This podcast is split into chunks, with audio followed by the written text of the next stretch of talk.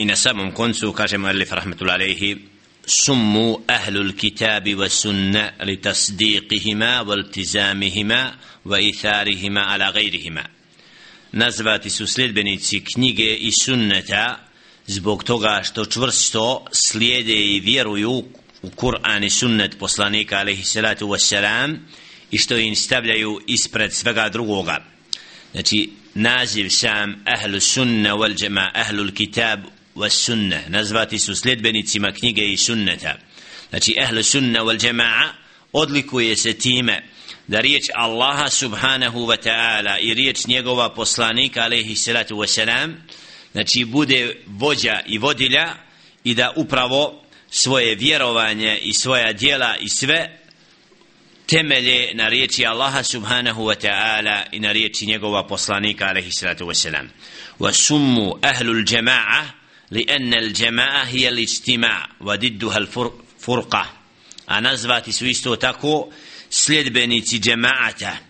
jer je džemaat upravo on skupina koja se okupila oko nečega. A oni su se okupili oko Kur'ana i oko sunneta. Znači ehlu sunna wal džemaat se okuplja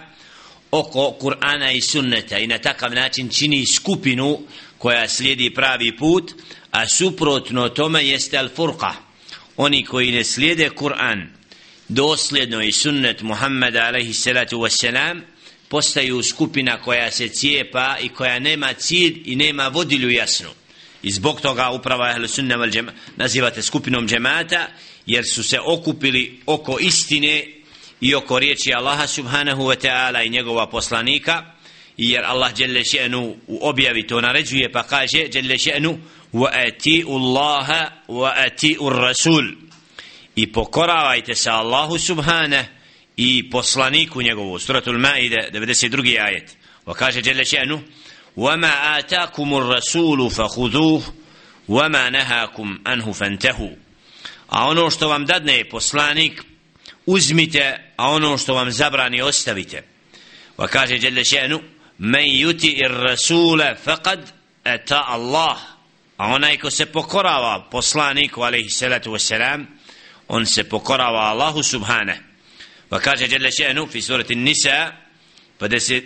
إدبتم آية فإن تنازعتم في شيء فردوه إلى الله والرسول إن كنتم تؤمنون بالله واليوم الآخر فأكو سونتش مرزي جيتا onda se vratite Allahu subhane i poslaniku njegovu. Znači, Đele še'nu u ovom ajetu da je izlaz kada dođe, kada skupina nema jasan stav i raziđe se po nekom pitanju da se vrati Allahu subhanahu wa ta'ala i poslaniku njegovu jer će naći upravo u Kur'ani Kerimu i u slijedjenju sunneta poslanika sallallahu alaihi ve sellem odgovor i na takav način izbjeći al furqa razlaz i bit će okupljeni oko onoga što je Allah subhanahu wa ta'ala zadovoljan i na takav način biti odupućeni a onaj koji ne bude prihvatio i ne bude slijedio uputu nakon što mu bude jasno pojašnjena, kaže Jelle še'nu,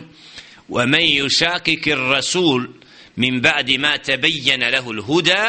وَيَتَّبِعَ غَيْرَ سَبِيلِ الْمُؤْمِنِينَ نُوَلِّهِ مَا تَوَلَّى وَنُسْلِهِ جَهَنَّمْ وَسَاءَتْ مَسِيرًا A onaj ko se usprotivi Allahovu poslaniku alaihi salatu wasalam nakon što mu uputa i pravi put bude jasno pojašnjen i slijedi neki put drugi mimo puta vjernika nuvellihi ma tawalla mi ćemo ga pustiti da to slijedi a onda ćemo mu dati džehennem. Wasa'at masira. A to je loš konac i loš završetak zato molim Allaha subhanahu wa ta'ala da nas učini od sljedbenika Kur'ana i sunneta poslanika alaihi salatu wasalam i da budemo od onih koji će se upravo na riječima koje su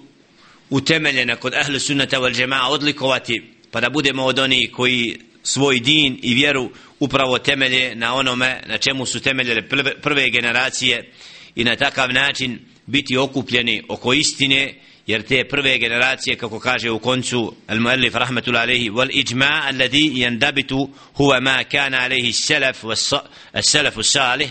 id ba'dahum kathura al-ikhtilaf man tasarat al-umma. A ta skupina koja se okupi okupila oko istine i ummet na čemu se okupio jeste upravo skupine prvih generacija obzirom da je kasnije došlo do mnoštvo razlaza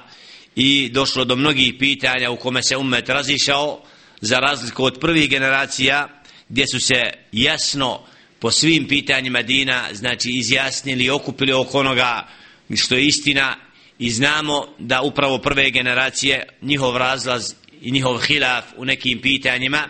je lagan i nije vodio u razdor da bi kasnije nakon tih generacija došle sekte koje su odstupile od menheđa koje nisu prihvatali riječ Allaha subhanahu wa ta'ala ispravno svatajući ga i uzimajući za dokaz nego su svoje mišljenje stavili ispred riječi Allaha subhana i njegova poslanika i onda je nastala al-furqa razlaz što vidimo danas od mnogo što šta da mnogi kad ih pozivamo da se vrate Allahu subhanahu wa ta'ala i poslaniku njegovu olako drže do toga kao da ih nisu svjesni težine i obaveze svakog muslimana i muslimanke da Allahovu riječ vrsto uzmu kako kaže Đelešenu ja ejuha alladina amanu dhulu fi silmi kafa wala tattabi'u khutuwati shaytan.